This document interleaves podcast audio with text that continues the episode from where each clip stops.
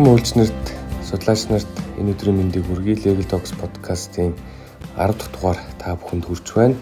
Энэ удаагийн дугаараар Монгол Улсын их сургуулийн хууль зүйн сургуулийн багш Дэд профессор Бям Жаргал багштай үндсэн хуулийн эрх зүй судлаач Бям Жаргал багштай бид нэр үндсэн хуулийн нэмэлт өөрчлөлт нэмэлт өөрчлөлттэй холбоотой цаашд хийгдэх ажиллагаа, хууль тогтоомжийг шинжлэх гэдэг энэ сэдвийн хүрээнд Бям Жаргал багштай ярилцахад бэлэн боллоо. Энэ дугаарыг надтай хамт хөтлөн явуулахаар оюуны нууц төрийн бас байгууллагын судлаач Бат Толго Битх руу ярилцахад бэлэн боллоо. Энэ өдрийн мэндийг хүргэе. За энэ өдрийн мэндийг хүргэе. За эхний асуултаа 19 онд үндсэн хуульд нэмэлт өөрчлөлт оруулсан. Тэгэхээр энэ үндсэн хуульд нэмэлт өөрчлөлт оруулах хэрэгцээ шаардлага нь ер нь юу байсан бэ? За үндсэн хуульд нэмэлт өөрчлөлт оруулснаар энэний ач холбогдол нь ер нь юу гэж харж байна гэдэг юм ерөнхий асуулт.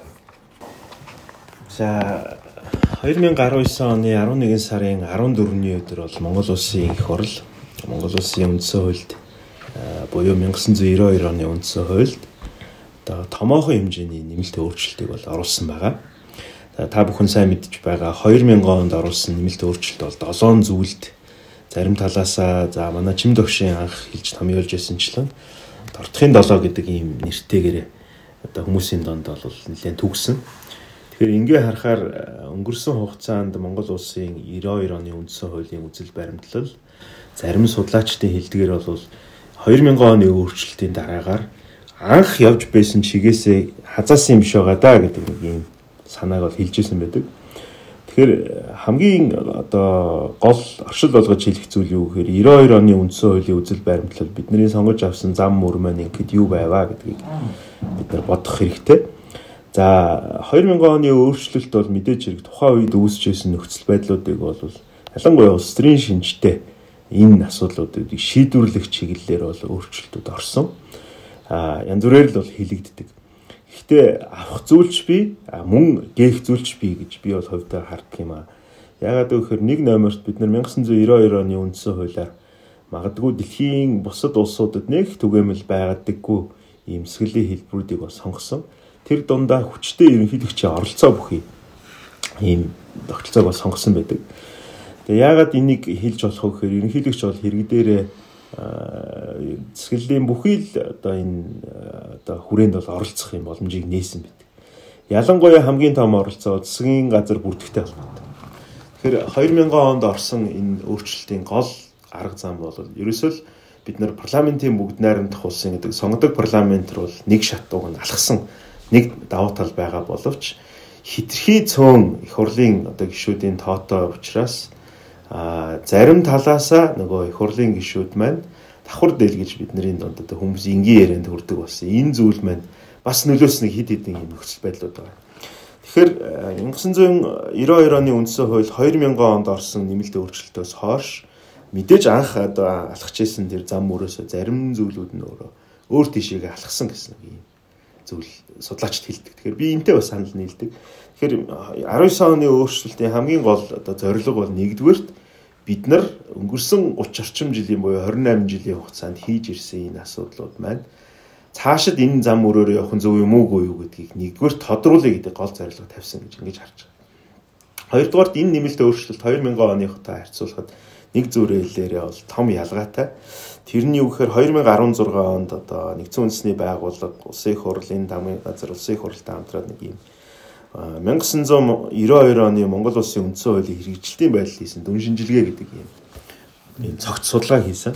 Тэгээ энд бол манай нэр хүндтэй эрдэмтэд мөн ялангуяа барууны чиглэлээр одоо 90 оноос хойш Монгол улсын талаар судалдаг бас одоо Гинсбург профессор ч гэдэг юм. За Инхбатар багш, за манай Мөсайхан багш, за бусад юм одоо эрдэмтэд Солонгоо багш гэдэг юм хүмүүс оролцоод хийсэн. Тэгээ энэ дүн шинжилгээнүүдийг одоо нэгтгэхэд бид нар харах юм бол өөрөөр хэлбэл 2000 онд ерөөсөө энэ хийж байгаагүй. 19 оны нэмэлт өөрчлөлтийнхээс өмнө энэ хийгдсэн байсан нь бодит байдал дээр энэ нэмэлт өөрчлөлтийг хийх одоо хууль зүйн хамгийн том боломжийг өөрөө нэгдүгürt гаргаж эхэлж байгаа.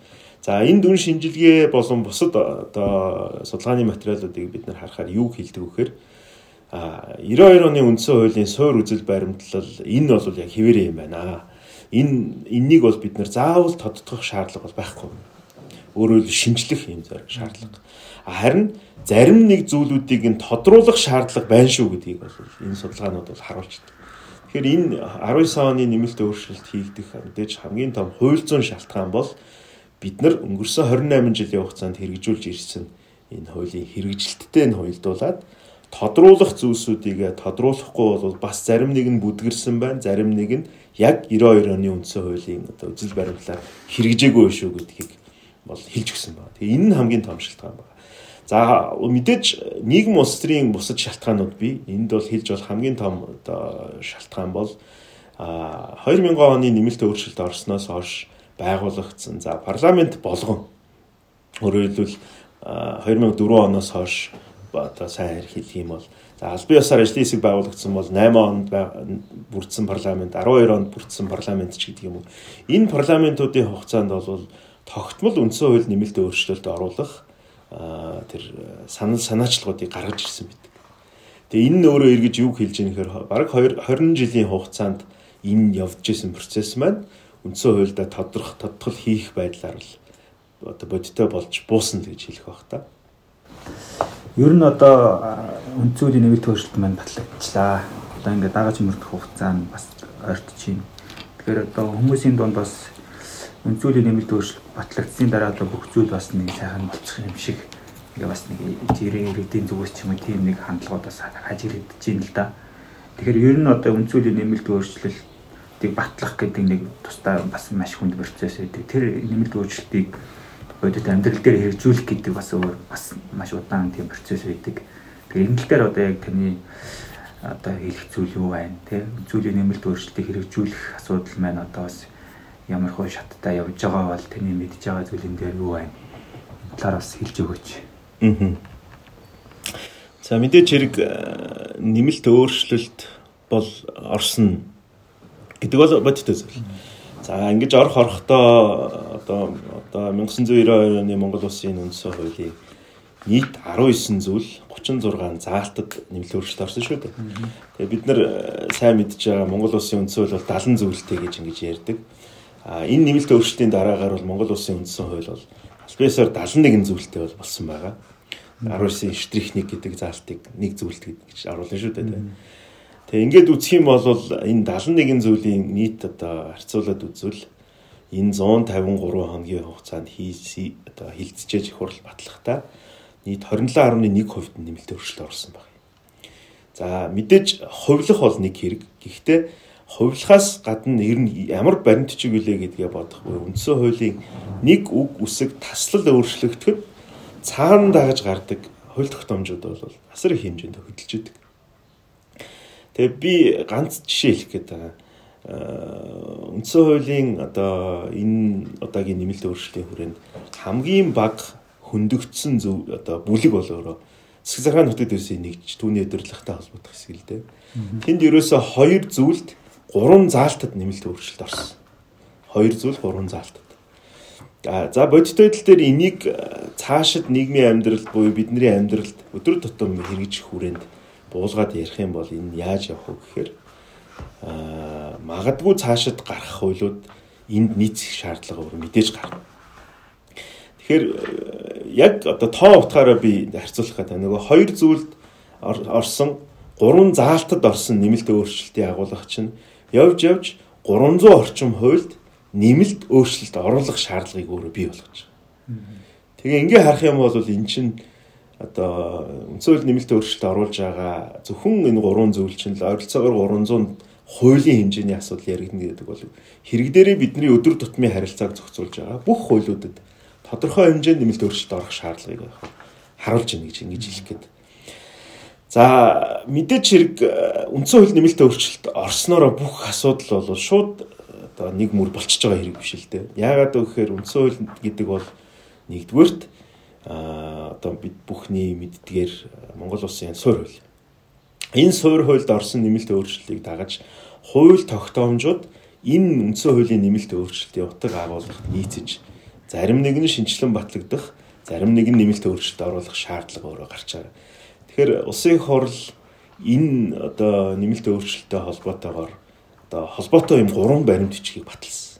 Нэгдүгээрт бол 10 одоо 2019 оны 11 сарын 14-ний өдөр Монгол улсын үндсэн хуульд оруулж байгаа нэмэлт өөрчлөлт гэдэг юм баримт чинь.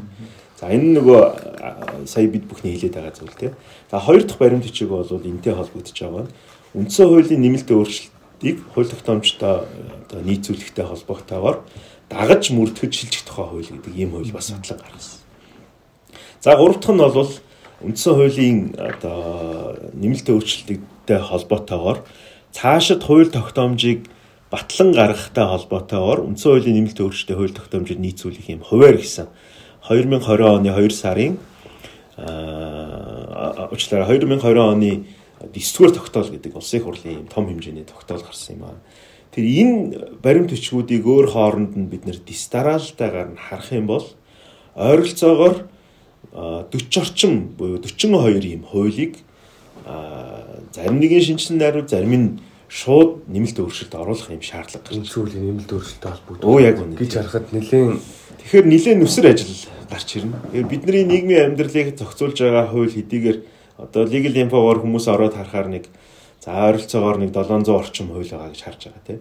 Гэхдээ энэ хуулиуд чинь бидний өдөр тутмын амьдралыг зохицуулж байгаа хууль гэдээ аваад үзвэл бараг нэг 400 орчим л хууль шүү дээ. Бусд нь нөгөө хуульд нэмэлт өөрчлөлт оруулах хүчингү болох энэ болгон ч өөрөө хууль гэж явж байгаа учраас тэгэхээр энэ бүх хууль тогтоомжууд магадгүй цааш цаашдаа нөгөө батлагдан гарч байгаа хуулиудаа нийцэх дахиад ийм процесс явж таар. Энэ 42 хууль бол шууд нөгөө үндсэн хуулийн нэмэлт өөрчлөлтөнд нийцүүлж өөрчлөгдөж байгаа хуулиуд. Энэ хууль өөрчлөгдсөнтэй холбоотойгоор бусад хуулиуд магадгүй өөрчлөгдөнө. Эннийг би нэгжтэй холбоотойгоор тэр 300 орчим гэж хэлээд байгаа шалтгаан дээр. Тэгэхээр энэ процесс өөрөө одоо энэ их хурлын хувьд бол мэдээж одоо 4 жилийн хугацаа хууль заасан бүрийн эрхэн дуусж байгаа учраас яагаад ч бол батж бол амжихгүй. Тэгэхээр эрх зүйн шинтгэл гэдэг энэ одоо процесс 1992 оны үндсэн хуулийг батлаад бүгд найрамдах Монгол ард улсын үндсэн хуулиас Монгол улсын үндсэн хуульд бүрнээ дагаж мөрдөхөд шилжих тухай хууль гэдэг ийм хууль гараад ойролцоогоор нэг 10 орчим жил бол тасралтгүй байсан процесс байсан. Хамгийн багадаа наадлан 4 жилийн хугацаар зарж байна. Тэгэхээр энэ одоо зургаар бид нар харах юм бол энэ 19 оны өөрчлөлтийг дагаж гарах ойролцоогоор 40 орчим энэ хуулиуд нэмэх нь тэр хуулиудад бусад хууль тогтоомжуудыг нийцүүлэхтэй холбоотой гэдэг ингээ аваад үзвэл хамгийн багада дараагийн бүрдэх парламент бол энд дараагийн бүрдэх засгийн газар энд яг харахгүй цаг зарж ажиллахаас өмнө өөр шаардлага байхгүй л харагдаад байгаа юм л да. Тэгээ товчхондоо бол утгалгын асуудаг асуултыг хэцүү учраас би ингэж тойроод хэлээд байгаа шүү алга одоо уруулах төдийд хийгдчихдэг процесс огт биш. Цаг хугацаа хэрэгтэй, тууштай бодлого хэрэгтэй. А тэгжвэж дараачийн хамгийн том асуудал хууль тогтоомжууд батлагдсны дараагаар дахиад хэрэгжүүлэх гэдэг юм процесс явж таар. Тэр бид нар нэгэнт л одоо том зургаараа буюу алсын том одоо хараага харж байгаа бол тэрлүүл ойролцоогоор нэг 10 жил явж ижил үр дүнгийн талаар бид нэр ярьж болно шүү дээ тийм одоо нөгөө хэрэгжүүлэх арга хэмжээний талаар улсын хурлаас баталсан тогтоол төр хуваар тэгээд тэндээс харахаар нэг үндсэн 4 5 хэсэг хуваагаад хууль тогтоох эрх мэдэлтэй холбоотой гүйцэтгэх мэдэлтэй холбоотой шүүхийн хараат ус байдлыг хангах дээшлүүлэхтэй холбоотой гэд харахаар шүүхийн тухай бол батлагдахад тэрийг дагаад процессын хуулиуд өөрчлөгдөх гэдэг юм уу ингээд хийгдэх ажлын цар бүр асар их л харагдаад байна л да. За саяын таны ярианы төгсгөлтэй холбоотой дараачийн асуулт нь яг уу харьцангуйгаар ойлгомжтой асуудал юм шиг аа. Гэхдээ зарим судлаач нарын хувьд, хөвөлч нарын хувьд сүүлийн үед бас хоорондоо маргаан хилцүүлэг өрнүүллээ л дээ. Ягаад гэвэл 2020 оны 5 сарын 25-ны өдрөөс үндсэн хуулийн нэмэлт өөрчлөлт одоо хэрэгжиж эхэлнэ. Тийм учраас засгийн газар чадамжгүй болох уу болохгүй юу огцрох уу огцрохгүй юу гэдэгтэй асуудлаар холбоотой асуудлаар бол нэлээд хилцүүлэг өрнүүлж байгаа харагдсан. Тэгэхээр энэ үндсэн хуульд нэмэлт өөрчлөлтийг дагаж мөрдөж шийдчих урмын тухай хуулиар бол би одоо энийг нэгдэх зохицуултыг ихний зохицуултыг харахад харьцангуй ойлгомжтой зохицуулчихсан юм шиг. А ерөн зүгээр энэ процесс яаж үргэлж яаж явдгийг энэ маргаа өрнүүлээд байх сэдв мөн үгүй юу бусад улсын жишг юу байна гэдэг ийм дараач асуулт. За мэдээж энэ энэ сэдв бол одоо яг үүсэж байгаа процесстэй холбоотойгоор нэлээд их хурцаар яригдж байгаа. За хамгийн түрүүнд бид нар биднэрт ер нь ямар туршлага байсан бilé гэдгээс ингээ яриагаа эхлэх шаардлагатай байх гэж ингэж харж байна. За 1992 оны үндсэн хуулийг батлаад үндсэн хуулийн хавсралт хууль гэдэг ийм хуулийг баталсан байдаг. Тэгээ үндсэн хуулийн хавсралт хууль буюу бүгд найрамд Монгол ардын Монгол ард улсын үндсэн хуулиас Монгол улсын үндсэн хууль бүрнээ дагаж мөрдөхөж шилжих тухай гэдэг ийм хуулийг бол баталсан. Энэ хууль өөрөө нийт одоо 9 нэм зөвлөлттэй байсан. Энэ 9 зөвлөлттэй хууль маань өөрөө ямар утга агуулгаар юуг зохицуулж ирсэн юм бэ гэхээр мэдээж үндсэн хууль бол 1 сарын 13-ны өдөр батлагдаад 2 сарын 12-ны өдөр бол хүчин төгөлдөр болчихсон. За 2 сарын 12-ны өдөр хүчин төгөлдөр болсонтой холбоотойгоор мэдээж үндсэн хууль чинь бол одоо шууд одоо замын хөдөлгөөний дүрмтэй ингээд жишээ жиш болохгүй шүү дээ. Тэгээ энд тодорхой процесс өөрөө шаардчихдаг. Өөрөөр хэлбэл жоох урт хугацаа шаарддаг юм зүйл байгаа. Тэгэхээр энэ энэгээр би юу хэлэх гээд байна гэхээр энэ одоо дагаж мөрдөхтэй холбоотой харилцааг зохицуулж ирсэн 92 онд баталсан энэ хууль маань агуулгын хувьд тухайн үед цоо шин одоо засаглалын институцүүд бүрдчихсэнтэй холбоотой тухайн асуудлуудыг бол тусгайлан зохицуулсан байдаг.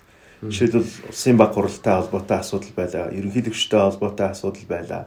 За тухайн үед байсан засгийн газартай холбоотой асуудал бүгд найрамд Монгол ард улсын гэдэг ийм статус бүхий энэ төрийн байгууллагаас Монгол улсын төрийн байгууллагын хооронд шилжихтэй холбоотой нөгөө дагаж мөрдөх асуудал энд яригдж байгаа юм л да.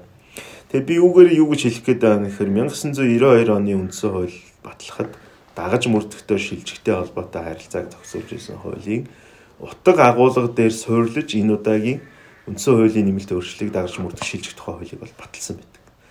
Тэгээ анзаараад харах юм бол хүмүүсийн хувьд нэг янз бүрийн байр суурьуд хилж байгаа. Зүгээр энгийнээр хэлбэл энэ дагаж мөрдөхөд шилжинэ гэдэг зүйл чи юг зохицуулаад байгаа юм бэ гэдгийг нэгдүгээрт бодох юм шаардлага гарч байна а үндсэн хуулийн хүчин төгөлд рүү эсвэл хүчин төгөлдөд бусуун тухай маргаан бол энд ерөөсөө ярихдаггүй. Харин хүчин төгөлдөр болчлоо. Одоо харин хизэнээс эднэрийг дагаж мөрдөхтэй гэдэг бол энэ өөрөө цэвэр дагаж мөрдөхтэй холбоотой л харилцаа энэ гарч ирнэ. За засгийн газрын тухай жишээ болгоод ярьж байгаа. Гэтэ засгийн газраас илүү би зөрүүлээ дахиад хоёр институтыг санал болгох гэдэг нь л та. Хамгийн энгийн жишээ бол одоо манай Батулга сайн мэдж байгаа шүүхтэй холбоотой судалгаа хийдэг болохоор те шүүхийн ерөнхий зөвлөлийн гишүүний тооны асуудал. Шүүхийн ерөнхий зөвлөлийн гишүүний тоог Монгол улсын үндсэн хуульд албан ёсоор шууд энэ 19 оны нэмэлт өөрчлөлөөр 10 гишүүнтэй байна гэх ингээ хатуу заачихсан. Өмнө байгаагүй шүү дээ тийм.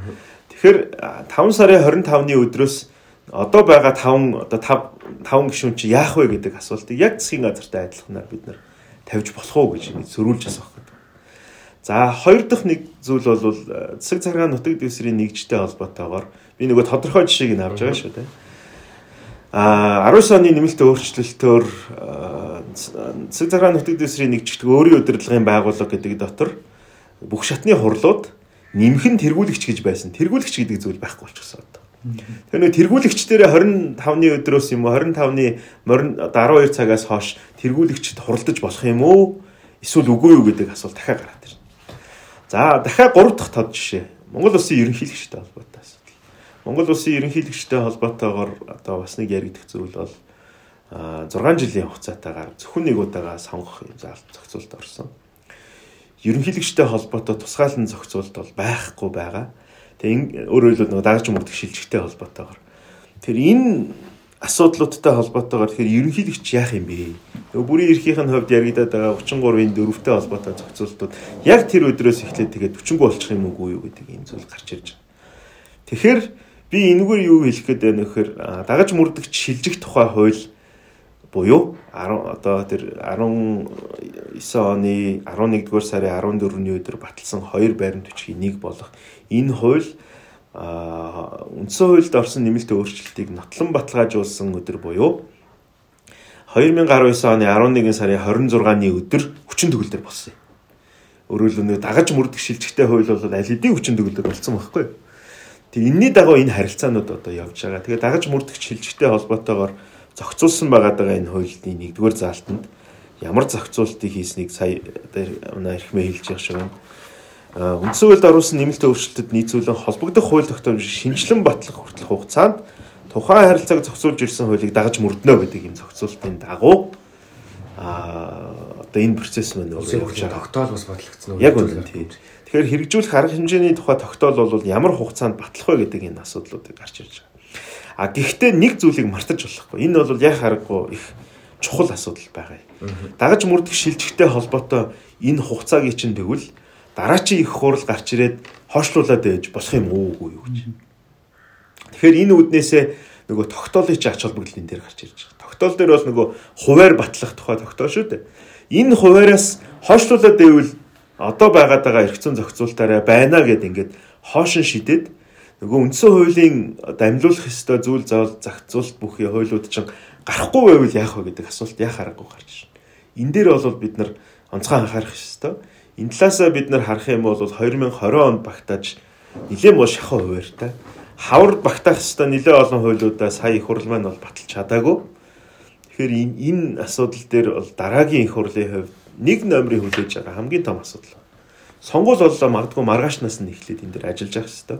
Гэхдээ их хурл гэхээс илүү энэ дээр хэн үүрэг хүлээж байгаа гэхээр засгийн газар.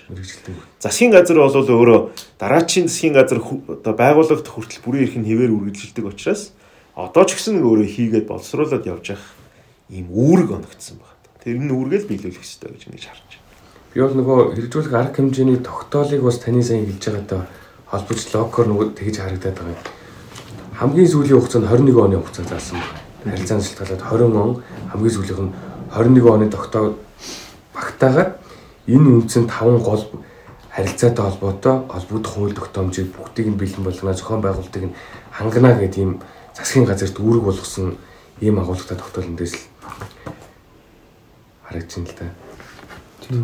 Одоо энэ үнцүүлийн нэмэлт өөрчлөлтийг 5 сарын 25-ны өдрөөс дагаж мөрдөхөө үедээ хүмүүсийн байр суурийг хараад хахаар нэг хоёр ялгаатай зүйл байна гэж би хараад байгаа байхгүй. Тэр нь юу болохоор үндсэн хуульд одоо хуулиар хууль баталчийн нэг зохицуулна гэдэг маш олон заалтууд байдаг. Тэгээд сонгуулийн журамч гэх юм одоо сүүлд орсон нэмэлт өөрчлөлтөөр шүүхийн сахилгын ороо шүүхийн ерхий зөвлөлийн гишүүн тавигдах шаардлага бүрэн ерхийг одоо хууль баталч одоо ингэ хуулиар зохицуулна гэх тийм. Тэгэхээр энэ дээр бол яг ингээ хуулиар зохицуулна гэсэн асуудал дээр хүмүүс нэг марахгүй байх шиг байна. Одоо юу хэрэг зүйл шүүхийн сахилгын хороо тэгээ хуулийн натлагдж ижил энэ үнцүүлийн нэмэлт өөрчлөлт хэрэгжих.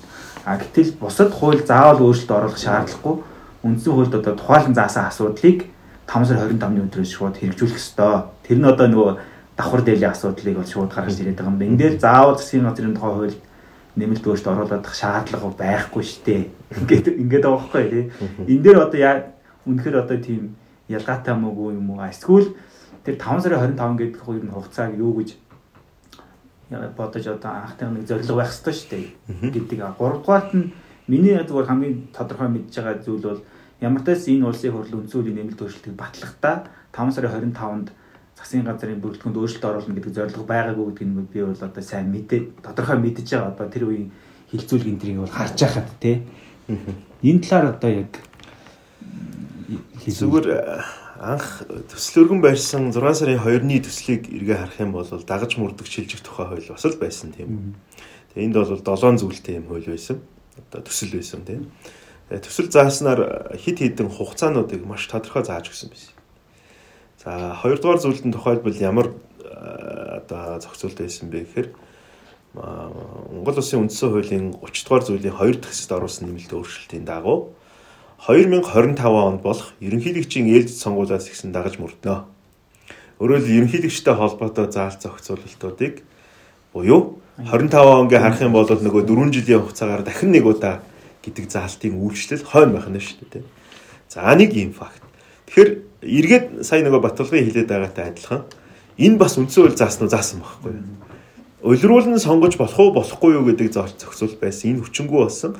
Энэ 25-ны өдрөөс эхлээд тэгвэл шууд өвчлөөд эхлэх юм уу гэдэг юм зохицуулт эргээд дахиад гарч ирж яг адилхан. Тэгэхээр энэ үндсэн хууль заасан уу заасан юм зүйл. За хоёр дахь нэг зүйл бол мэдээж хэрэг шүүгчтэй холбоотой зохицуултууд байсан. Мөн үндсэн хуулийн зэстэй холбоотой зохицуултууд байсан. Гэх мэтчлэн иймэрхүү одоо тодорхой хугацаанууд бол байж ирсэн. Тэгээ энийг хилцүүлгийн явцад хууль санаачлагч яаж өөрчилсөн бэ гэхээр агуулгын хувьд үндсэн хуульд оруулсан нэмэлт өөрчлөлтийг одоо дагаж мөрдөх хүртэл тухайн харилцааг зохицуулах хуульд юу гэж заасан энэ хугацаагийн дагуу байна шүү буюу үндсэн хуульд өөрт нь бол ямар нэг хугацаа бол огт заагдахгүй шүү дээ тийм. Өөрөөр хэлбэл энэ бол 92 оны 1 сарын 13-ны өдөр батлагдаад 12 2 сарын 12-ны өдрөөс эхлээд дагаж мөрдөд явчихсан. Тэгээ энэ логикоор харах юм бол бид нар нэгдүгээрт дагаж мөрдөхтэй холбоотой асуудал хүчин төгөлдөр болохтой холбоотой асуудлыг хооронд нь ялгаж салгахгүй бол эдгээрийг хооронд нь хутгаад эхлүүл одоо харин асуудал болж ирлээ. Тэгээ яг тэр логикийн дагуу ойл тогтоогчийн хувьд гол барьсан санаа бол нэгдүгээр хамгийн сүүлийн хууль бол 21 оноос хэтрэхгүй шүү. Энийг бол хойшлуулахгүй шүү. Ихэнх хуулиуд бол 20 онд багтаж гарна шүү гэдэг энэ зүйлийг зааж өгч байна. Өөрөөр хэлбэл дагаж мөрдөх хугацааны хувьд энэ чинь өөрөө одоо хүчин төгөлдөр болцоод Аа тэгээд үйлчилж эхлэхгүй байх юм уугүй юу гэдэг ийм асуулт гарч ирлээ. Яг энтэй адилхан. Тэгэхээр 92 оны хувьд бас л нөгөө хавсралт хуулийн дагуу энэ хугацааг заачсан байсан учраас хэдийгээр хүчин төгөлдөр байсан боловч тухайн харилцаан дээр үүсэж байгаа нөхцөл нь өөрөө дагаж мөрдөх асуудал яригдчихэж байгаа. Тэгэхээр энэний дагуу л өөрөө гарч ирж байгаа юм л да. Жишээлбэл засгийн газартай холбоотойгоор үүсэж байгаа энэ харилцааны хувьд засгийн газрыг шууд одоо энэ бол огцруулах асуудал бол мэдээж яригдахгүй. Шадамжгүй болох тухай асуудал яригдахгүй гагцхөө нөгөө дөрвөөс ерөнхий сайдаас гадна дөрвөөс илүүгүй гишүүн одоо их хурлын гишүүнийг давхар хаш болохгүй гэдэг энэ зохицуултаас л үүдэлтэй юм зүйл. Тэгэхээр энэ нь өөрөө эргээд их хурлын тухай хуулиндаа, засгийн газрын тухай хуулиндаа, засгийн газрын бүтэц бүрэлдэхүүнтэй холбоотой энэ хуулиуд дээр за мөн одоо бас нэг зүйл яригдж байгаа нь өмнөх одоо энэ сайдууд бол дандаа улсын хурлын тогтоолын дагуу одоо томилогдсон шүү дээ. Энэ тогтоолууд бас хүчин төгөлдөр байгаа юу гэдэг асуулт гарч байна. Их мэтчлэн энэ уялдаатайгаар харахгүй бол үндсэн хууль бол шууд одоо өөр дээр нь бичсэн учраас л маргаашнаас эхлэн гэдэг юм зүйл огт байж болохгүй. Хэрв тэгээд эхлэх юм бол одоо засгийн хувьд одоо засаглалын хувьд бид нар энийг аль нь ихэд хүчин төгөлдөр юм бэ гүвэ гэдэг энэ зүйлүүд л гарч эхэлнэ л дээ. Тэгэхээр энийг тооцож хамгийн түрүүн бодсон зүйл юу гэхээр 25 он буюу 7 сарын 1-ний өдрөөс гээд ингээ заачдаг. Гэтэл нөгөө шинээр бүрдэж байгаа засгийн газар нь хуучин үндсэн хуулийн зохицуултын дагуу бүрдчихэд давхар хэд хоног хүлээж байгаа дахиад засгийн газраа өөрчлөх хэмжээний асуудал яригдах юм биш үсттэй гэдэг ийм хууль тогтоогчийн санаан дээр тулгуурлаж 25-ны өдрөөс эхлээд дагаж мөрдөн. Гэхдээ нөгөө энэ дагаж мөрдөх шилжих хуулийнхаа нэгдүгээр заалтын дагуу тухайн хуулиар уг харилцааг юу гэж зохицуулсан хугацааг тусгаалan заасан байна. Тэрний дагуу зохицуулна шүү гэж. Тэгээд гурав дахь хуульдах юм нь бол нөгөө хуваар баталж байгаагийнхаа дагуу хуваараараа эднэрийг бас барьж өгөх юм логик барьсан. Тэрний дагуу л явж байгаа. Залгуулаад дахиад нэг асууч. Одоо би нэг бян зорилгочтой уулзж байгаа энэ үнцүүлийн нэмэлт өөрчлөлт үнцүүлийн цэцээр судалдаг хүний хувьд сайн мүлжмээр санагдаад а мэдхгүй нүд асуумаар санагдаад. Тэр одоо одоо бол одоо ингээд дага ер нь альва үнцүүлийн нэмэлт өөрчлөлтийг дагаж мөрдөхгүй энтэй холбоотой шүүхтэр бол маргаан байхгүй байхгүй байгаа шүү дээ. Эцсийн үеийн маргаан гарах юм бол одоо зэт ч юм уу одоо эсвэл өөр нэг шүүх шийдэж таарна шүү дээ. Тэнгүү тэр үед одоо шүүх аль хуулийн хэрэглэх вэ гэдэг дээр л одоо эцсийн шийдлийг гарах байна. Одоо бол судлаачдын төвшөнд л дагаж мөрдөн мөрдөхгүй гэл нэг яг үнэ яриа яваад байгаа шүү дээ. Тэнгүүд одоо би эндээс алгал юу гэж асуух асуух гэдэг тэгэхээр та өнцүүдийн цэцгийг бас нэлээд сайн асуудал шүүхийг нэлээд сайн асуудалдаг. Тэгэхээр одоо магадгүй хуурийнхаа дагуу одоо хуулиудыг батлахгүй байгаа дэвэл маргааныг одоо үүсгэж болох уугүй гэдэг асуудал те. Эсвэл одоо бидний мэдж байгаа л өмцөлийн цэцүүл бол нөө эсвэлттэй холбоотой маргааныг бол шийдэх боломжгүй.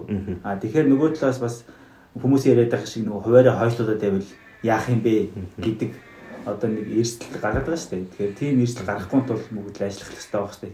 Ажиллах хэрэгтэй байх те. Гэхдээ гараад ирвэл одоо нөгөө бусад хуулиа үйл зөрчиж байна одоо нэмэлт өөрчлөлт нийцэхгүй байна гэдэг маргаантай асуудал гарах юм бол одоо яг үнцүүдийн шүүхийн асуудлыг хүрээнд энэ асуудлыг яаж шийдэгдэх бол би яг э, санал нэг байна. Би дахин дахин нэг юмыг л нэлээд олон газар хэлээд байна. Нэгдүгürt энэ гурван баримт бичгийн хоорондын уялдаа юу вэ гэж те. Нэгдүгüрх нь бол үндсэн уялд оруулж байгаа нэмэлт өөрчлөлт байна. За тэн дотор нь юу гэж заасан бэ гэхээр 5 сарын 25-ны өдрөөс эхлээд дагаж мөрдөн шүү. За тэгэхээр энд нэг процесс өөрөө явагдсан үндсэн хуулийн уг ихт хадгалаад үндсэн хууль нэмэлт өөрчлөлт оруулах журмын хууль заасны дагав нөгөө нотлон баталгаажуулах гэдэг энэ процесс 11 сарын 26-ны өдөр явсан гэдгийг та бүхэн мэдчихэж байгаа тийм. Тэгэхээр миний харж байгаагаар бол энэ өдөр болоос эхлээд нотлон баталгаажуулах гэдэг энэ процесс хийгдсэн нь өөрөө эргээд хүчин төгөлдөр болсон гэдэг энэ агуулгыг бол илэрхийлээд байгаа. Өөрөөр хэлбэл тэр өдөр бас нэг хүчин төгөлдөр болсон хоёр дахь хууль бол үндсэн хууль нэмэлт өөрчлөлт оруулах дагаж мөрдөгд шилжих тухай. Тэгэхээр энэ хуулиуд маань бол 25-ны өдрөөс биш 26 11 сарын 26-нд бол хүчин төгөлдөр болчихсон. Одоо харин дагаж мөрдөх асуудал энэ дээр яригдчих. Дагаж мөрдөх асуудал. Тэгэхээр нөгөө хууль тогтоомжийг үндсэн хуульд орсон нэмэлт өөрчлөлтийн дагуу хууль тогтоомжийг үндсэн хуулийн нэмэлт өөрчлөлтөд нийцүүлэх энэ ажлыг улсын их хурл хуваарийг гаргаж байгаа маань өөрөө эргээд мэдээж судалж ажил гаргаж шүү дээ. Боломжтой байна уугүй юу гэж. Тэгээ энэ хүрээндээ тавьж өгж байгаа хамгийн одоо эмзэг асуудал бол энэ хуваар магадгүй өөрчлөгдвөл яах юм бэ? Эсвэл хуваарийн дагуу хуулиудаа баталж чадахгүй бол яах юм бэ гэдэг энэ асуудал байна. Тэгэхээр хууль зүйн хувьд энэ өөрөө ямар фактыг бий болгочих чинь нөхөр нэгэнт улсын хурл энэ гурван баримт бичиг хоорондоо одоо хүн холбоотой гэж үзэх юм бол батлах хуваарийн тогтоож өгсөн хуваараасаа хитрүүлээд эхлүүл энэ үндсэн хуулийн зөрчил болох уугүй. Би судлаач талаасаа л мэдээж бид нарын тайлбарыг шүү дээ судлаач гэдэг талаасаа харж бид нар үзэх юм бол яа харахгүй энэ зүйл рүү явах юм нөхцөлийг үүсгэж. Гэхдээ энийг хэн вөхөр яг үнэ. Үндсэл энэ цэцэр шийд. Өөрөөр хэлбэл цэц энэ хуваарийг өөрчилж болох уугүй юу гэдэг энэ зохицуултыг одоо оруулж болох уугүй юу гэдэг энэ зүйл бас л гарч ирнэ. А хоёрдугаарт нэг их маргаантай зүйл байдаг. Энэ бол улс орон болгон янз бүрээр зохицуулдаг юм билэ. Ямар асуудал вэ гэхээр энэ дагаж мөрдөгч шилжих тухай хуулийг ингээд хүчингү болгочих болох юм уу юу гэдэг юм цаалт. Асуудалтай. Тэгэхээр энэ өөрөө үндсэн хуулийн нэгэн адил хүчинтэй гэдэг юм нэг үг өгүүлбэр 92 онд ч байгаад байгаа. Мөн 19 оныхт ч байгаад байгаа. Зарим талаар энийг судлаачид бол шүүмжилж байгаа. Гэхдээ эргээд харах юм бол энэ үндсэн хуулийн чинь салшгүй нэг хэсэг нь багхгүй. Яаж эний чинь ямар хугацаанд хэрхэн орвол одоо тэр нэмэлт өөрчлөлтийг хэрэгжүүлэх юм бэ гэдэг энэ зүйлийг чинь дагаж мөрдөх шилжих хуулиар хийж байгаа учраас эн чинь үндсэн хуулийн чинь салшгүй нэг хэсэг. Тэр үүднээс нь одоо одоо юу гэж нэрлэдэг байгаа шүү дээ. Нэгэн адил хүчнтэй гэж хэлээд байгаа шалтгаан нь. За дахиад тэгвэл нөгөө хуваар баталж байгаа тогтоолч үндсэн хуулийн нэгэн адил хүчнтэй гэж хэлж бол яагаад ч болохгүй. Яагаад гэвэл улсын хурлын тогтоол учраас. Гэхдээ тэр тогтоол гарч байгаа үндэс нь дагаж мөрдөх шилжих тухай хуулиар нөгөө нэгдүгээр зүйлд нь байгаа. Улсын хурлаас баталсан хуваарийн дагуу энийг хийн шүүгээ заачихсан учраас эннээс үүдэн гарч байгаа гэдэг утгаараа энэ хуваар хитрээд явал одоо өстой жинхэнэ улаан гэрэл асна л гэж харж байна. Би бол хариултаа авчиллаа. Чам таасах асуултаа нэр. Яг бисээ нөгөө хэрвээ энэ засгийн газар тэнд арга хэмжээний тогтоолоор засгийн газар дүүрэг болгоод байгаа шүү дээ. За засгийн газар холбогдох хууль тогтоомж боловсруулах, судлах гэдэг юм уу тэр ажлуудаа хийлээ. Эргээд улсын хурл одоо батлах нь тэнд тогтоох газар л шүү дээ. Тэгээд гээд хилцүүлэг ямар шалтгаан нөхцлөөс хойшилж болно л доо. Тэгээд хойшлоод маргаан хойшлохоор зөрчил гараад шүү дээ. Хин нэг итгэж ирийг биелүүлэхгүй шүү дээ. Хууль тогтоогч нь өөрөө юм эсвэл засгийн газар өөрөө. Тэр маргааныг цэцтэр за шийдэх нь шийднэ. Гэхдээ энийг яаж шийдэх тэр хууль зүйн нөгөө шийдлийг нь тухайл би ингээд бодоод байна л да. Тэгээд Би нэг би одоо нөгөө иргэний маргаан бол амархан шүү дээ. Гэрэний үргээ хугацаанд би биелүүлээгүй эсвэл гадан годоо тэгээд шүүхтэй хандаад маань хэвшлэн гэдэг шиг. Би бол үнцөө хэрэгцүүлээс удахаар нэг хийсвэр чи өөр их бодсон байхгүй юу. Одоо нь үнцөө үл эрэгтэй эмэгтэй хоёрын хоолд гэрэлтэй зөвшөөрдөг те. Манай үнцүүлээ тэгээ бичсэн. А тэнгууд магадгүй одоо саяны нэмэлт өөрчлөлтөөр ижил хүйсдний ч юм уу гэрэлтийг хүлээмжшүүлсэн нэмэлт өөрчлөлтийг хоолдогтойч оруулчлаа Тэгээ 5 сарын 25-наас одоо энэ хүчин төгөлдөр болно. Агаад оруулчлаа гэж төсөөлөд байгаа байхгүй одоо тохиолдол. Өөртөө одоо бодлого зохиож байгаа гэсэн үг. За тэгэнгүүт энтэй холбоотой бүртгэлийн хууль ч юм уу гэр бүлийн тухай хууль өөрчлөлт оруулах хэрэгтэй. За тэгэнгүүт ингээ хуваар батлагчлаа. Тэгээ 2020 онд багтаагаад яа тэгтэл батлагдсангүй. Тэнгүүл одоо хоёр хүн жил үст хоёр хүн очиод гэрэлтэй бүртгүүлмээр байдаг. Тэгээ одоо эсвэл хуваар батал хуваарийг хуваар хамаагүй үндсэн хуулийн нэмэлт өөрчлөлт 5 сарын 25-наас мөрж эхлэн бид нар гэрэлтэй бүртгэл хэрэгтэйгээ маргуул шүүх үндсөлийн нэгэл төршлийг барих уу гэр бүлийн хуулийг барих уу гэдэг асуудал. Эсвэл хуваар зөрчлөгчлөө хууль тогтоогч ажиллаа хийхгүй нь би одоо гэрэлтэй бүртгүүлээ гэдэг 2021 онд хандвал бас яах вэ гэх юм уу. Эцсийн дүндээ нь шүүхийн одоо шийдэх асуудал болох гэдэг байхгүй юу? бид нар энд маргаа ердийн шүүхийн хувьд бид нар буулгаад ярих юм бол манай үндсэн хууль зааснаар ердийн шүүх бол үндсэн хууль нийцээгүй албан ёсоор нийтлэгдэг хуулийг хэрэглэхгүй л гэдэг зохицуулалтаа шүү дээ. Тэгэхээр үндсэн хууль нийцсэн үгүй юу гэдгийг шүүгч бол өөрөө мэдээж индикатортай ингээ хянждаг. Гэхдээ нийцсэн үгүй гэдгийг ердийн шүүх бол өөрөө шийдэхгүй. Энэ бол үндсэн хуулийн цэц шийдэх ёстой учраас тэр процессороо л явж таарна л да. Тэгэхээр хүссэн ч ис хүссэн ч хамгийн гол юмны төгжээ түлхүүр бол явж явж үндсэн хуулийн цэц дээр энэ өөрөө хадгалагдана.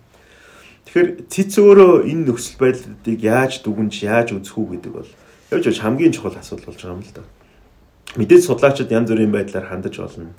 Аа хууль тогтоогчийн санаа бодол юу байсан бэ гэдэг дээр тулгуурлаж л үндсэн хуулийн цэц маань шийдвэрээ гаргана шүү дээ. Тэгэхээр цэц энэ дээр өөрөө манай одоо Монгол улсын хувьд дахиад энэ цоо шин кейс гарч ирнэ. Яагаад гэвэл 92 оны үндсэн хуультай холбоотойгоор яг ийм маргаанууд бодитойгоор авч шийдсэн тохиолдол байхгүй. Одоо харин 19 оны нэмэлт өөрчлөлттэй холбоотойгоор энэ нөхцөл байдал үүсэх гээд байна. А 2000 оны нэмэлт өөрчлөлт бол арай өөр шүү дээ. Энд бол дагаж мөрд шилжихтэй холбоотой ямар нэг зохицуулт байгаагүй шууд хэрэгжээл явчихсан. Тэгээ энэ нь өөрөө эргээд юу бид нарт дахиад нэг цоо шин юм эргэцэн маргаан магадгүй үндсэн хуулийн эргэцэн талаас харах юм бол бас нэг судалгааны объект гараад. Энэ судалгааны объектыг харж байгаа үнцэг тайлбарлаж байгаа одоо тайлбаруудаар нь л өөрөө хэмжиж бид нар тэл үнэмшилтэй мөн үгүй юу гэдгийг шийдвэрээ гаргана шүү дээ. Тэгэхээр миний харж байгаа өнцөг бол нэгдүгürt энэ бол цаашид одоо хуваар зөрчигдөөд ихлээр үндсэн хуулийн маргаан болох боломжтой. А харин батлсан батлаагүй байгаа байдал нь үндсэн хуулийн зөрчлөө үгүй юу гэдэг бол цэцэг магадгүй шийдэх ёстой байх. Гэхдээ юун төлөө энэ хуваар гаргасан бэ гэдэг асуулт гарч. Зорилгодоо нийцсэн үгүй юу ч гэдэг юм уу те. Харцсангүй үгүй юу гэх юм. Үндсэн хууль нөгөө тайлбарлаж болдог маш олон тайлбарлах энэ аргууд дээр тулгуурлаад бид нар эдгээрийг тайлбарлах юм шаардлага үүснэ л дээ. Тэгээд хуваарийнхаа дагуу баталжуул нэг маргаан бол ингээл дуусч гарахгүй тий. А ихтэй одоо 5 сарын 25-наас хойш нөгөө энийг хэрэгжих хэрэгтэй гэдэг хүмүүс бол магадгүй цэцрүү. Гэхдээ яг тэгээд өхөнийг нарийн яриад байх юм бол ер нь зүгээр олон төрлийн маргаан гарч болно л да. Шүүх засгийн газар шүүхийн ерөнхий зөвлөлдөр гişүүдийн тоо заачсан одоо хэрэгжүүлж байгаа эрх хэмжээнийхээ хүрээнд шүүхийн тухай бол батлагдахгүй жоо удлаа гэж бодъё. Шүүхийн ерөнхий зөвлөлд одоо байгаа гişүүд тодорхой асуудал шийдвэрлэлээ. Тэрнтэй холбоотой маргаан ердийн шүгээр хэн шийдвэрлэж байна. За нөгөө маргад маргаж байгаа гомдол гаргасан этгээд бол гүйн чинь танаас гаргаж байгаа эрх зүй агч нь хууль ус шүү. Ягаад гэвэл үндсэн хууль чинь ийм байгаа шүү. Гэтэл яг энгийн маш тодорхой жишээ бол ийм байж болохоор байгаа юм л да. Аа шүүхийн ерөнхий зөвлөл 26-ны өдрөөс эхлээд одоо байгаа бүрэлдэхүүнээрээ шин шүүгчд одоо нэр дэвшүүлээд тэрнийхэн дагуу Монгол Улсын ерөнхийлөгч зарлиг гаргацсан бай гэж төсөөлөд юм. Тэгэхээр тэр шүүгчийн бүрийн эрх хүчин төгөлд рүү үгүй юу гэдэг асуудал дахиад яг энэ яг одоо энэ засгийн газрын жишгээр явах юм бол яригдахаар ийм нөхцөл байдал гарч байгаа. Өөрөөр хэлэх юм бол э, томилогдож байгаа шүүгчд чи өөрөө шүүхийн ерөнхий зөвлөлөөс санал болгосноор улсын э, одоо ерөнхий улсын дээд шүүхийн хувьд бол одоо улсын хурл танилцуулаад за ингээ ерөнхийлөгч томилж байгаа шүү дээ. Гэтэл энэ процесс өөрөө магадгүй гурван гишүүнээрээ одоо явуулчих яа. А гэтэл энэ маань өөрөө одоо байгаа хүчин төгөлдөр байгаа хуулиар бол 5 гишүүнтэй байна. За ингээд ийм процесс явж таар. Гэтэл үндсэн хуулийн хувьд бол 10 гишүүн гээ шууд заацсан учраас дахиад энэ үндсэн хууль заагаагүй гэж хэлж болохгүй шүү дээ. Тэгээ энэ логикоор харах юм бол э, тэр шийдвэрч гэсэн хүчин төгөлдөр үгүй юу гэдэг дээр маргаан үүсэж байна. Тэгэхээр л нөгөө тэгэхээр л нөгөө хуваарийн асуудал энэ өөрөө тухайн харилцаагийн үндсэн хуульдаа нийцүүлэх хууль тогтоомжийн гарсны дагуу мөн батлсан хуваарийн дагуу хуулиуд тогтоомжуудыг нийцүүлээд явна гэдэг энэ логик чинь л энэ дээрээ суурилаад байгаа юм л да. Хуваар тэгээд дагаж өмнө журмын тухай хууль бол зайлшгүй өмнө хэрэгжүүлсэн туршлага байгаа 92-ны нөгөө бас шилжих журмын тухай хууль. За одоогийнх нь бол мэдээж тэр хэмжээний цогцоор биш учраас би одоо тэрэн шиг ингэж дэлгэрэнгүй олон зүйл заалтай байгаагүй нь бол тэрнтэй бас хамааралтай харьцангуй ойлгомжтой юм хууль зүйн томьёол болвол гэж энэ олон маргааныг бол энэ шилжигч урмын тухай хууль дээр заажчихсан. За Монгол улсын үндсэн хуульд оруулсан нэмэлт өөрчлөлт нийцүүлэн холбогдох хуулийг шинжилэн батлах хүртэл хугацаанд тухайн харилцааг зохицуулж ирсэн хуулийг дагаж мөрднө гэдэг нь бол явж явж ер нь энэ бүх маргааны өмнө хариулт өгж байгаа зохицуулт энэ дэр маш тодорхой байна л гэж мэдээж хэрэг. Тэгээ хамгийн гол нь энэний одоо нөгөө цааш хугацаа нь одоо юу гэдгийг хаалттай болгож байгаа хэсэг маань бол нэг хуваар шүү дээ. Тий. Харин хуваар зөрчигдөд ихлүүл үндсэн хуулийн маргаан болох уугүй юу гэд би хувьдаа бол болно гэж ингэж харж байна. Ягаад гэвэл яах гэж тэр хуваарийг гаргасан юм бэ тий? Анханаас нь тэгвэл ингэж гаргахгүй байхгүй яасан гэдэг асуулт гарч ирнэ. Яг тэргээр харах юм бол хуваараа өөрчлөөд эсвэл хуваарийг батлахгүй яваад байх юм бол эн чинь хідэн жилж яваад байвал яах юм бэ тийм үү? Тэгэх юм бол өстой харин үндсэн хуулийн том асуудал өөрөө гарч эхэлнэ. Энд өөрөө хийдэл үүснэ. А жишээлбэл хамгийн энгийн жишээ Монгол Улсын ерөнхийлөгчтэй холбоотойгоор орсон одоо заалтуудын дагуу ерөнхийлөгчийн сонгуультай холбоотой буюу ерөнхийлөгчийн сонгуулийн харилцааг зохицуулах хуулийг батлан гаргахгүй 5 жил явчвал яах вэ гэдэг юм асуулт гарч байна. Тэгээ тэгж бол яагаад ч болохгүй гэдэг үүднээс хуваарийг тодорхой заагаад хугацаатаа тавьж гисэн. Шахуу зааж байгаа. Тий. Яагаад гэвэл эн чинь энэ дунд ч өөрөө хийдэл гарч болохгүй байхгүй. Тэгээ тийм учраас л одоо төрийн ажил бол мэдээж хэрэг одоо улсын хурлын бүрийн эрх дараагийн улсын гишүүн тангараг өргөх хүртэл хүчин төгөлдөр байдаг учраас энэ хоорондоо батлаад явах боломж бол угаасаа нээлттэй байж байгаа засгийн газар мөн гэдэл дараагийн засгийн газар байгуулагдах өөрөө өвчин төгөлдөр шүү дээ. Тэгээ энэ үүднээсээ энэ процесс бол зөвхөн сонгуулиас болоод эсвэл бусад хэлбэрээр ингээ хойшлоод авах процесс огт биш л дээ. Тэгээ ер нь одоо энэ хоёрыг зөрчин гэдэг яриач яваад тийм утгагүй юм гарахгүй л үү. Зүгээр билэг нөгөө хамгийн дандаа эрсдэл бод тооцоолдог ус учраас тэр үүднээсээ л ярьж байгаа болохоос биш харьцангуйгаар эн чинь бол одоо 92 оноос хойш шилжсэн процессоо Гэхдээ тэгвэл батлагдахгүйсэн бол өнөөдөр хүртэл батлагдах хуулиуд батлагдаагүй л байж байгаа шүү дээ. Зүгээр яг харахгүй энэ жилийн хувьд нэг онцгой зүйлүүд тохиолдож байгаа та бүхэн сонгуулийн нийтээр мэдэж чинь тийм. Гурван гол юм давхцж чинь гэж би хувьдаа бол ингэж харж байна. Нэгт гол юм бол мэдээж хэрэг бид нар 20 орчим жилийн хугацаанд нийгмийн бүх төвшөнд ярьж байсан, судлаачдын хувьд судалж байсан. Улс төрийн төвшөлтлийн хувьд бий болж исэн энэ зүйлүүдээр толгуурлаад 19 онд нэмэлт өөрчлөлт оруулсан. За энэ бол харцаагүй. Хоёрдугаарт энэ нэмэлт өөрчлөлтөөс гадна одоо цаг хугацааны хувьд мэдээж хүлээж исэн зүйл бол улсын хурлын ээлжид сонгуулийн асуудал. За энэ бол болдгороо л болно шүү дээ. Тийм болох цаг хугацаанд байсан учраас. За харин огт тооцоогүй байсан нэг хүчин зүйл бол яа харахгүй дэлхийд даяар гарсан байгаа энэ цар тахлын асуудал. Мэдээж энэ бол зарим тохиолдолд хүндэх үзэх шалтгаан мөн үү биш үгүй юу гэдэг хууль зүйн талаас нь шийдвэр гаргаж байгаа шүүгчл тогтоолдоо. Гэхдээ энээс болоод ажил бол салгардах ёсгүй гэдэг ийм зүйл байгаа. Тэгээ энэ гурван зүйл магадгүй бид нэр цаг хугацааны хувьд ингээ аваад үзэх юм бол үндсөлийн нэмэлтээ өөрчлөлт гэдэг энэ процесс магадгүй дахиад хизээ хийдгийг бол мэдэхгүй. Лав нэмэлтээ өөрчлөлт оруулах дааж мөрдөхөд одоо нэмэлтээ өөрчлөлт оруулах тухай хуулиар ямар заалт байгаа гэхээр энэ хүндсэн асуудлыг бол буюу нэмэлтээ өөрчлөлт оруулсан зүйл заалтыг 8 жилийн дотор дахиж хөндөхгүй гэдэг зохицуулт байна. Тэгэхээр 8 жилээс нааш бол энэ хөндөгдөхгүй нэ. За их хурлын сонгуул бол мэдээж 4 жил болдгороо болно. А харин ойролцоогоор 100 орчим жилийн дараа гарч байгаа дэлхийн нийтийн э, хамарж байгаа энэ цар тахал бол магадгүй бидний үе дахиж бол үсэхгүй байх гэж ингэж харж байгаа. Энэ зүйлтэй л яг л давхцчихл байгаа л юм процесс л доо. Тэгэхээр энэ маань өөрөө цаашид э, одоо хийх хууль зүйн талаас бид нар харах юм бол нэгэнт хуулийн дээр биччихсэн байгаа даа дагаж мөрдөхтэй холбоотой юм зохицуултыг бол тэр загвал хийх ёстой байх л гэж байна. Би одоо сэг сони мараад 99 он 2000-ны өөрчлөлтөөр чинь дагаж мөрдөх гэсэн юм бол байхгүй байсан тийм байхгүй. 99 оны 11 сарын 14-нд батлсан нэмэлт өөрчлөлтийг бол 2020 оны 7 сарын 15-наас эхэлж мөрдөн гэсэн байсан. Тэгээ тэрийг бол зэц хүчингүй болгоцсон тийм. Тэнгүүд 2000 оны 12 сарын 14-нд дахиад одоо тэр нэмэлт өөрчлөлт яг тэр чигээр нь баталсан. Тэрнийх нь дагаж мөрдөх хугацаа нь урагшаа үед 7 сарын 15 гээд хуулийн дээр тавьсан байх шээ тий. Тэгээ тэр одоо тухайн үед бас яаж тэгэж тавьж исэн бол урагшаа одоо өвлөх хуулийн практик биднэрт байхгүй байсан болоод байгаа юм болов уу? Яг уу 2000 онтой харьцуулахад 99 онтой харьцуулахад зүйн хувьд бол аль аль нь нэмэлт өөрчлөлт орсон шүү дээ тийм. За ингээ үндсэн хуулийн цэцгийн тогтоол гарах хүртэл маргаан бол үргэлжилсэн. Тогтоол гарсан. За ингээд албан ёсоор бол хүчингүй болчихсон. За дараа нь орсон нэмэлт өөрчлөлт бол 2000 онд бас хийгдэхтэй а нөгөө процедур гэдэг тал дээр нь л илүү ач холбогдол өгч үндсэн хуулийн эцэд шийдвэр гаргасан учраас тэр процедурыг гүйцэлсэн байдлаар л өөрөө хийгдсэн. Гэхдээ сайн ярих юм бол одоо үдээс өмнө өргөн бариад үдээс хойш батлагдсан зүйл шүү дээ. За 19 оны өөрчлөлт бол ахуулгаараа бол энэс тис өр. Мэдээж зарчмын маш том том өөрчлөлтүүд бол орсон. Бараг хүний эрх хэрэгчлөө үндсэн хуулийн нэмэлт өөрчлөлттэй холбоотойгоос бусад бүх бүлгүүдийг бол хүндсэн шүү дээ тийм.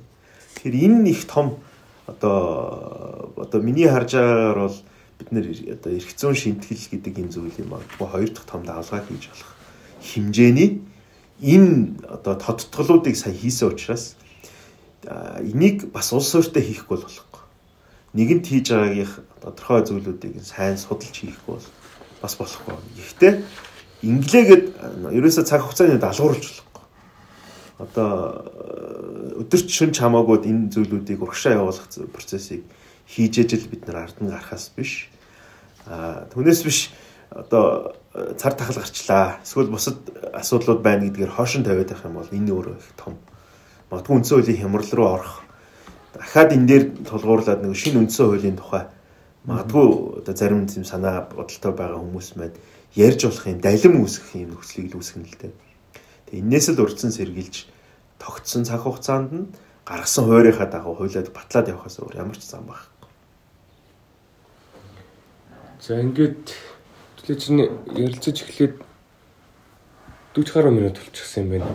Энэ хугацаанд бас ярилцъя гэсэн сэдвүүдээрээ галтай бас багшаас асууж тодруулъя гэсэн зүйлээ асууж тодруулсан учраас ер нь нэвтрүүлгийнхаа төгсгөлийн сүүлийн асуултыг багшаас түрүү Батулга битэр багшийн өрөөнд орж ирээд багш битэрт нэг юм Монгол улсын үндсэн хуулиудын эмгэгтгэл энэ ном бэлгэлсэн юм л да. Тэгээ энэ дээр би бид нар оюутан багтаа ерөөсөө мэддэггүй, анзаардаггүй. Тэр чинь нэг үндсэн Монгол улсын үндсэн хуулиуд гэхээр нэг автоматар хүрчиг нэг дөрвөн хугацаа хилээд байдаг. Гэтэл тэр дунд нэг 1949 он оны нэг нэмэлт өөрчлөлт тэр нэмэлт өөрчлөлт нь баг нилээ хэдэн зүйл дээр их зүйл зал дээр нь өөрчлөлт оруулсан нэг тийм хүн та сонирхолтой байх. Тэр энтэй баг үйл. Тэ. Тэрний цаг хугацааны тухайн юунаас судлаач нарт бас сонирхолтой байх болов гэдэг юм. За яг би ч байхтар гаргаж тавьсан гэхээс илүү манай баяр сайхан багшийг та бүхэн мэдэх бах те. Манай түүхийн бэ бацхийн баяр сайхан манай. Тэгээ баяр сайхан багш одоогоос нэг 3 жилийн өмнө 1949 онд Монгол улс үндсэн хууль баталсан байна гэдэг ийм судалгаа хийгээд энэ судалгаагаа бол хэвлүүлсэн байдаг. Та бүхэн ирүү харж исэн бол тэгэхээр энтэй холбоотойгоор нөгөө түүхчдийн хувьд эрх зүйн түүх судалж байгаа хүмүүсийн хувьд хоорондоо зөрчил гарч байгаа юм л да. Ингээд 40 оны үндсэн хууль гэж байхаас биш 49 онд бид нар үндсэн хууль гэж байхгүй гэдэг юм аавгаар түүхч тайлбарлаа. Тэгээд энэ эмгтгэлийн хувьд зориуд би тэр 40 оны үндсэн хууль 49 оны тэр нэмэлт өөрчлөлт гэж нэрлээд байгаа энэ зүйлүүдийг бол оруулсан юм байна. Тэгээ шалтгаан юу вэ гэхээр 1940 оны үндсэн хууль бол Монгол улс батлахдаа 95 зүйлтэйгээр анх баталсан байдаг. За 1949 онд орсон энэ нэмэлт өөрчлөлт тухайн үеийн одоо улаан үд сонин дээр бол бүхлээрээ хэвлэгдсэн байдаг юм байлээ. Факт бол. Тэгээ ингэж энэ нэмэлт өөрчлөлт орохдоо 95 зүйлтэй хуулийг 108 зүйлтэй хууль нэгдүгürt болгосон. За хоёрдугаарт энэ 108 зүйл болгохоос гадна ямар асуудал шийдсэн бэ гэхээр нийт зүйлийнх нь бараг 90 орчим зүйлд нь нэмэлт өөрчлөлт орсон. Өөрөөр хэлбэл их баг хэмжээний те үг зарим нэг үг солигдох. За бүр их тодруулж хэлэх юм бол агуулгын шинжтэй маш том өөрчлөлтүүд орсон байдаг. Тэгээ үгээрээ харах юм бол бид нар зүйн түүх талаасаа нэгдүгээр харахаас гадна хоёрдугаарт одоо орчин үеийн бид нар зүйн одоо баримт бичиг талаас нь харах юм бол яах аргагүй шин үндсэн хуулийн хэмжээний зүйлөнд гарсан байна гэж. За энийг нотолжуулах маш олон зүйлүүд байдгийн нэг нь тухайлбал 1949 онд тухайн үеийн түүхийн хувьд юу болов гэдгийг бид нэр эргээ санах хэрэгтэй болдог. Дундад дэргээ улс Монгол улстай холбоотойгоор тэдний тусгаар тогтнолыг бүлээн зөвшөөрөхтэй холбоотой ийм процессыг өөрөө явж исэн байдаг. Дэлхийн хоёрдугаар дайнд усны дараах энэ процесс шүү дээ. Тэгээ ингээ харах юм бол бид нар энэ гэрээний дагуу Монгол улс бол мэдээж тусгаар тогтнол олж авсан. Хоёрдугаарт эрх зүйн томоохон шинтгэлээ бид нар энэ 49 онд оруулсан нэмэлт өөрчлөлтийн дагуу хийсэн байдаг. Хоолол эрүүгийн байцаан шийдэх хуулиа бид нар баталсан ч гэдэг юм уу те. Тэгээ ингээ харах юм бол нэгдүгээр тань мэдхүн гэхээсээ илүү бид нар эрх зүйн түүх судлах гэдэг талаасаа бол энэ 49 онд орсон нэмэлт өөрчлөлт буюу ер нь магадгүй ер нь одоо баярсан багшийн дэвшүүлж гаргаад байгаа шинэ үндсэн хууль би жигсэн агуулгын хувьд бол санал нэг байна. Тэр хэмжээний өөрчлөлт. Энэ хэмжээний өөрчлөлт ач холбогдлын хувьд яг үнэ. Тэгэхээр эдгээрийг бас бид нар ялангуяа энэ судалж байгаа судлаачдын хувьд бол бас гаргаж ирж тавиасаа гэдэг үүднээс би зориуд ингэж оруулсан юм байна. Тэгээ энэ нь хэд хэдэн бол ач холбогдолтой нэгдэх ач холбогдол бол хүмүүс 95 он 95 зөвлөлтөд 40 оны үндсэн хууль дээр ийг одоо хэрэглээд яваад идэг. Гэтэл 49 онд орсон энэ 108 зөвлөлтөд дээр дандаа нэмэлт өөрчлөлтүүд нь 49 оноос хойш 60 он хүртэл хийгдсэн байдаг. Тэгээ энэ хугацаагаар нарах юм бол бид нөгөө зөв зөвтэй одоо их сурвалжаа барьж авч судалгаагаа хийхгүй бол агуулгын хувьд нөгөө тис хоёр өөр юмыг хооронд нь харьцуулах байдлаар гарахаар нөгөө судалгааных маань үр дүн жигсэн бас ямар болох ол доо гэдэг гэдэг ийм л зүйл байгаа. Тэгэхээр эргээд бид нар харах юм бол Монгол улс магадгүй одоо Японы дараа орох тэр Мэйжигийн гэж нэрлэдэг энэ үндсэн хуулийнаас гадна магадгүй Төв Төв Азтай бол цор ганцаар бүр сайн ярих юм бол одоо Европ төвд анхны бүгд найрамдах засгийг бол 1919 онд үндсэн хуулиараа Праймерийн бүгд найрамдах улсын үндсэн хуулиар бий болгосон. Бид нар ерөөсөө тэндээс 5хан жилийн дараа 24 оны үндсэн хуулиараа бүгд найрамдах засгийг бий болгоод бичмэл үндсэн хуулийг Аз төвд магадгүй анх баталсан юм бол түүхтэй бол. Энэ талаасаа бас хараасаа гэдэг үднээс л бид нар энэ энэ зүйлийг яриад байгаа. Тэвгээрээ бол 49 онд бас үндсэн хууль байжээ энэ үндсэн хуулийг бол бас тодорхой хэмжээнд бид нар мэдэх ёстой гэдэг ийм зорилгын үүднээс би та хоёрт гэсэн тэр э, тэрнийг тэр түүхийг тодруулж хэлээд байгаа.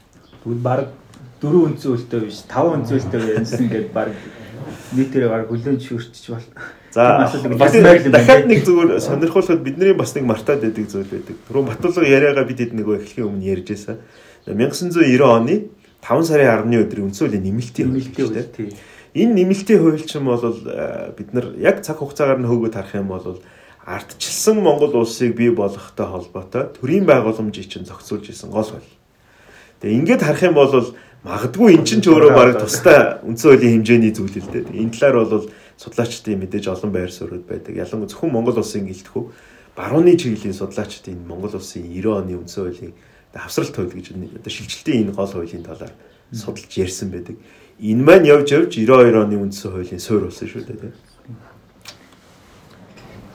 За ингээд хууль зүйн судалгааны захим сангаас эрхлэн тогтмол эрхлэн хөрөгдөг Legal Talks подкастын 10 дахь дугаар энэ хүрээд өндөрлж байна. Бидэд энэ удаагийн дугаараар Монгол улсын үндсэн хуульд 19 онд оруулсан нэмэлт өөрчлөлт, за түүний хэрэгцээ шаардлага, нэмэлт өөрчлөлт оруулах ач холбогдол нь юу байсан?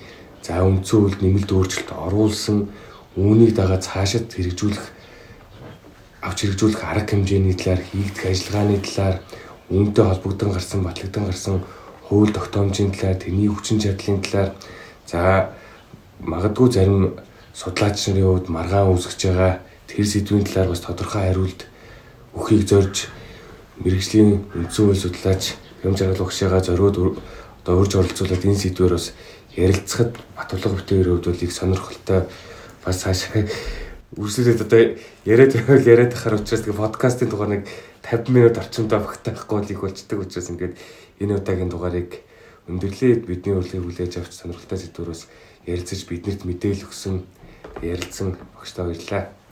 Баярлалаа. Намайг э, энэ одоо подкастта урьж оролцуулсан явдалд э, одоо та бүхэнд талархаж байна.